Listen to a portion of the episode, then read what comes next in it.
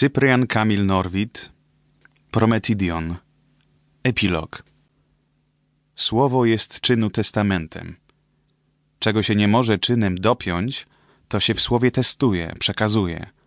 Takie tylko słowa są potrzebne i takie tylko zmartwychwstają czynem. Wszelkie inne są mniej lub więcej uczoną frazeologią albo mechaniczną koniecznością, jeżeli nie rzeczą samej sztuki. Każdy naród przychodzi inną drogą do uczestnictwa w sztuce. Ile razy przychodzi tąż samą, co i drugie, to nie on do sztuki, ale sztuka doń przychodzi i jest rośliną egzotyczną i nie ma tam miejsca na artystów. Tak jest gdzieniegdzie do dziś. Owóż. Tak przychodzili. Indianin cierpliwy przez pojęcie grzechu i pokuty, pracę dla pracy. Egipcjanin przez religijną Nilu inżynierię.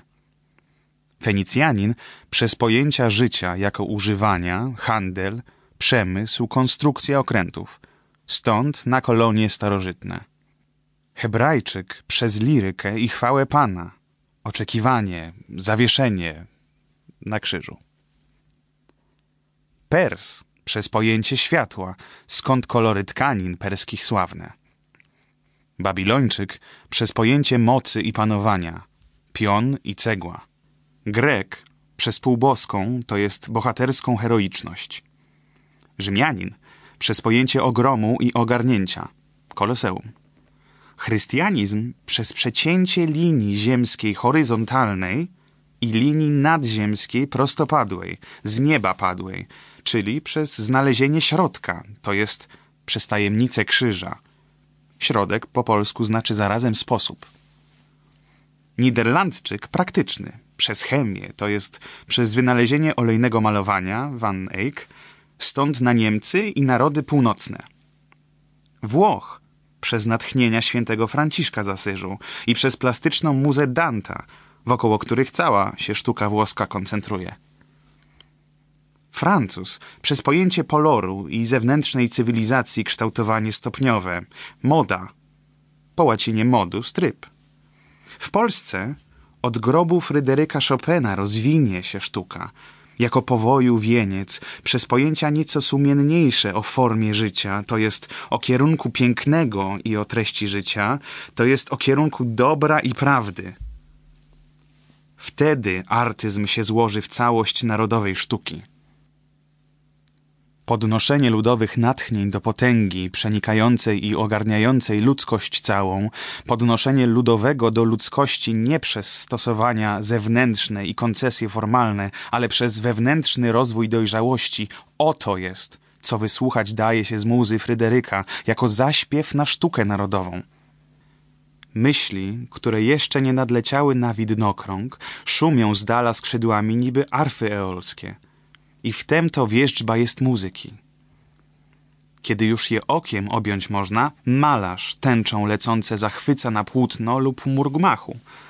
A skoro już lekkiemi skrzydły swemi poczynają osiadać na frontonach świątyń i zmarmurzać, jak postacie do snu się kładące, wtedy rzeźbiarz miejsce im otwiera w cichym łonie głazu ciosanego.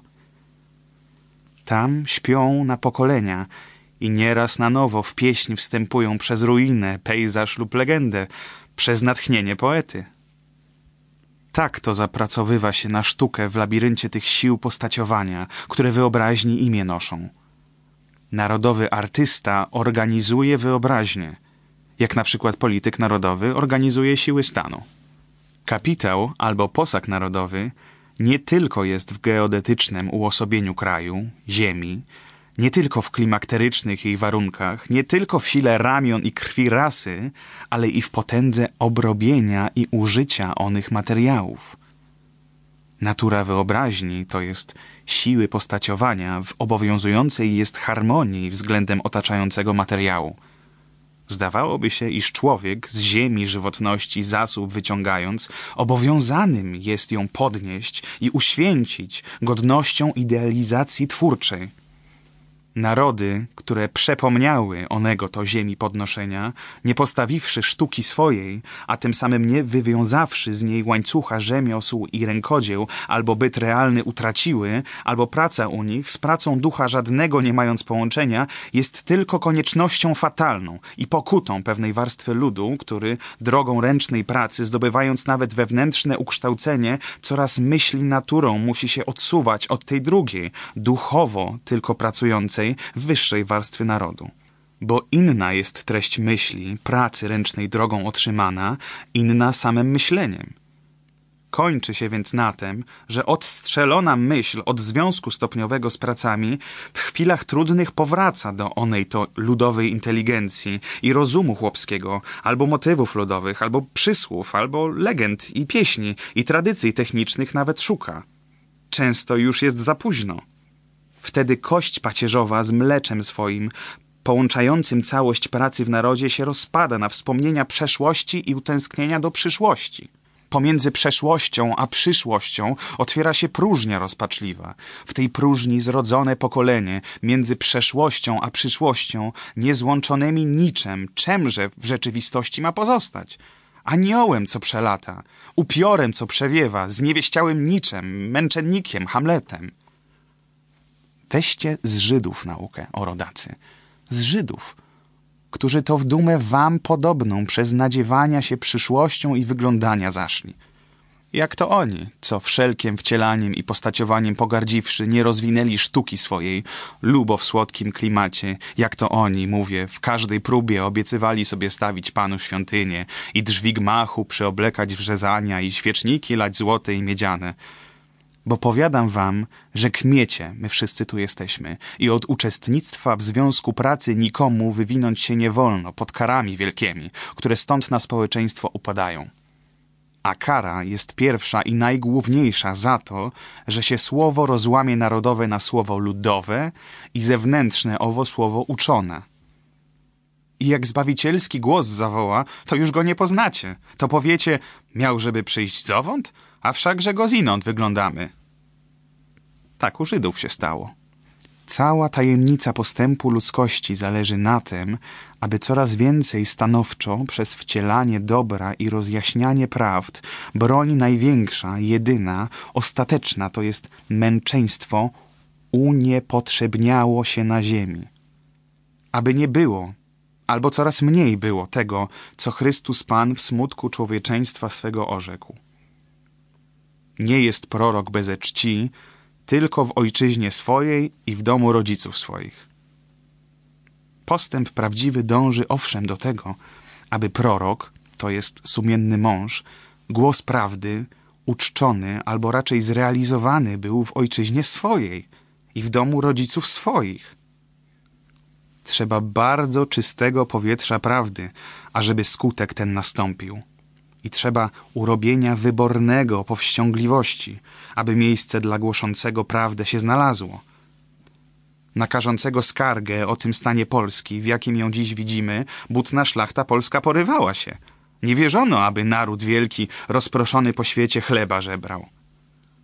Powietrze prawdy może się do tyla zanieczyścić, iż nic się wznioślejszego nie rozwinie w narodzie aż przez sokratejskie zwycięstwo nad narodem własnym – Takich zwycięstw stopniowe umorzenie przez wcielanie dobra i rozjaśnianie prawd przyprowadzić winno do uniepotrzebnienia męczeństw. To jest postęp. Końcem końców praca z grzechu jest i tylko ją miłość odkupuje. Co tu w myśl o sztuce jako uldze pracy wspomnieliśmy, a zaś uldze dlatego, że nawet materialniej rzeczy biorąc, toć wynalazki, które człowieka wyręczają, także satelitami sztuk są, a przynajmniej źródła wynalazków bez wszelkiej wątpliwości. Żydzi przeto, do których znów powrócę, pozostawili jeden tylko pomnik, a i tego wartości nie pojęli, postawili fatalnie, bo to jest on, krzyż pański. I dziś oto cóż czynią?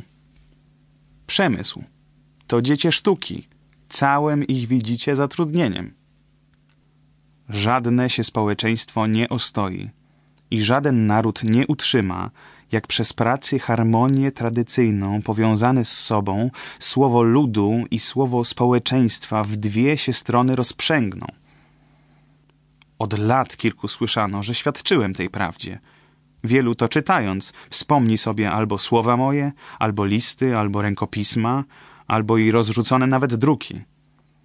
Piszę to dziś dorywczo, aby ślad pozostawić – ale bym wam rozwinął przez całą ogromność historyczną, ile to się wagi przywiązuje do rzeczy, którą dziś nawiasem w szkicu tutaj określam, bo nie mogę zbyt na zdrowie moje liczyć. Piszę więc, jakbym mówił. Różnica pomiędzy słowem ludu a słowem pisanym i uczonym jest ta, że lud myśli postaciami, a umiejętnik postacie do myśli swych dorabia że więc tylko przez harmonię tradycyjną pracy narodu ten dialog, ta rozmowa myśli ludowej z myślą społeczeństwa odbywa się. Rozmowy tej ujęcie w harmonię sztuki, rękodzieł, rzemiosł i rolnictwa stanowi zdrowie narodowe, stanowi przytomność i obecność. Byt. Naród, tracąc przytomność, traci obecność, nie jest, nie istnieje. Głos prawdy, ludzie, prawdą żyjący i dla prawdy, mogą znowu powołać go do życia. Lud ręczną pracą zdobywa wiedzę. I dlatego nie potrzebuje już tłumaczyć, czemu on myśli postaciami. Już ci tylko ciągle postaciuje, pracą plastyczną myśląc. Wykazałem więc, jaka jest różnica myślenia ludowego i przyczyna różnicy. Kto ma teraz trochę zastanowienia, ten zrozumie, jaką pełnią powinność piętrzące się arkady tego sztuk wodociągu, połączającego łańcuch pracy, bo ducha pracy to jest ono myślenie ludowe i naturę mu przyrodzoną, z myśleniem ludzkości w społeczeństwie, które czyni powinność połączania narodów z narodami, ale połączania, nie naśladowania i małpowania, bo wtedy ludowa myśl odstąpi, jako nieczyniących powinności, kiedy ona swą pełni. Naród bowiem składa się z tej sfery dolnej, która go różni od drugich, i z tej górnej, co łączy go z drugimi. Ale łączy go, a nie siebie. Te zaś dwie całości w dialogu onej myśli ludowej ze społeczną nieustannym przestają, jako wyżej się rzekło. Taka to jest architektura onej kopuły niewidzialnej, w której siedzi skrzydlaty duch narodu i psalmów wstęgi prześpiewuje. Nie liczenia na trafy, na wypadki, ale na postępki w trzeźwości prawdziwych proroków, to jest prawdą dla prawdy i z wyznawaniem jednego ojców Boga walczących. Kto powiada, że jest materializmem podnosić materię narodową, ten od onej nieuniknionej pokuty syna Adamowego odciąga odkupywać ciężar pracy miłością twórczą, to jest raczej do czynienia stojącemu w prawdzie obowiązku, mnożyć chleby cudem patriotyzmu dodatniego, twórczego, cudem, mówię, miłości tego obowiązku, który to ojczyzną albo narodem nazywamy. A zaś przede wszystkim z myśleniem ludowym w pracowitej harmonii się kojarzyć, czego głównie pojęcia są powyżej. Oczyszczać głos opinii, tak iżby przeczysto się dał słyszeć, trąbę jakby sprawując ku wysłuchiwaniu wołań Pana. Uwagi te, jako nierozdzielne z powodzeniem sztuki w Polsce, kreślę. Tylko sztuce, pojętej w całej swojej prawdzie i powadze, Polak dzisiaj poświęcić może życie. Wieleż to talentów już zmarniało przez nierozświecenie tego poważnego stanowiska, jakie sztuka ma zająć? Zwłaszcza iż sztuka poświęcenia zupełnego wymaga i jest jednym z zakonów pracy ludów i pracy ludzkości. Kto odwodzi od rozwinięcia sztuk, rzemiosł i rękodzieł w narodowym kierunku, ten odwodzi naród od nieuniknionej tu pokuty, w dumę go wprowadza, w próżność. Niepełniący pokuty sumienia czystego mieć nie mogą. Objaśniam to, co w pieśni społecznej zawołałem. Nie ma mienia bez sumienia. Objaśniam to i w porozrzucanych fragmentach pism moich. Od ich początku aż do dziś czytelnik objaśnienia najróżnostronniejsze znaleźć może. Kto powiada, Anglik na to, by brzytwy robił, a Włoch, aby malował i tak dalej, a my za pieniądze kupim wszystko, w błędzie jest. Nie zna rzeczy, bo pieniędzy nie będzie, jak się pracy u siebie do godności czynnego myślenia uświęconej modlitwą sztuki nie podniesie – Bo to nie jest tak, jak ci panowie myślą. U Anglika ono robienie brzytwy, a u Włocha ono malowanie, a u Polaka sianie zboża to tylko punkta wyjścia pracy. Nie zaś cała ich praca. Każdy musi odrabiać ową pańszczyznę Adamową. Rozdzielenie ekspozycji publicznych na ekspozycje, czyli wystawy sztuk pięknych i rzemiosł albo przemysłu, jest najdoskonalszym dowodem, o ile sztuka dziś swej powinności nie wypełnia. Wystawa powinna być przeciwnie tak urządzona, ażeby od statuły pięknej do urny grobowej, do talerza, do szklanki pięknej, do kosza uplecionego pięknie, cała cyrkulacji idei piękna w czasie danym uwidomioną była. Żeby od gobelinu, przedstawiającego rafaelowski pędzel jedwabną tkaniną do najprostszego płócienka, cała gama idei pięknego rozlewająca się w pracy uwidomioną była – Wtedy wystawy będą użytecznie i sprawiedliwie na uszanowanie i ocenienie pracy wpływać. Dziś to jest rozdział duszy z ciałem, czyli śmierć. Czytelniku, obywatelu XIX wieku, mamże ci tłumaczyć skąpstwo słowa i niekwiecistość stylu? Czytelniku, Polaku, mamże ci tłumaczyć, czemu tu o rzeczach narodowych w tej estetycznej pracy mówię? Czytelniku artysto, wiedz, żem znał i grzebał i opłakiwał wielu z naszych utalentowanych wielce i porozbłąkiwanych po wszech drogach artystów. Czym mogę, służę.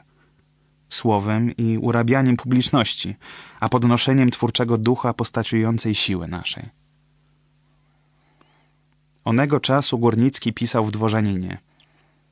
Wspomnę też tu i to, żem dworzaninowi, szlachcicowi, malowania nie znaczył, bo mi się to widzi niepotrzebne, a też naszym Polakom, którzy delicatum palatum niedawno mieć poczęli, nie szłoby to w smak, etc. Czy mamy się w wieku XIX na tej estetyce Górnickiego, jak na całej zdobyczy w polskim sztuki pojęciu oprzeć? Nie książek, ale prawd. To mi przewodniczyć zwykło w piśmie. Sądzę, że nie nadużyłem materii w tej książeczce i rzeć się zdać może czytelniku, ile uduchowniona myślą jest. Nie jest to, co winienem z podróży moich po cmentarzach sztuk przynieść, wszakże z czasem opóźniać się nie godzi. Niechaj i to służy na początek. Nie z krzyżem Zbawiciela za sobą, ale z krzyżem swoim za Zbawicielem idąc, uważałem za powinność dać głos myślom w piśmie tym objętym. I dlatego zmiłuj się, czytelniku, za to, co się broszurą dziś nazywa. Testamentu sumiennej myśli nie bierz. Owszem, dobre odczytuj i kończ w sobie. A błogosławiony, kto się nie zgorszy ze mnie.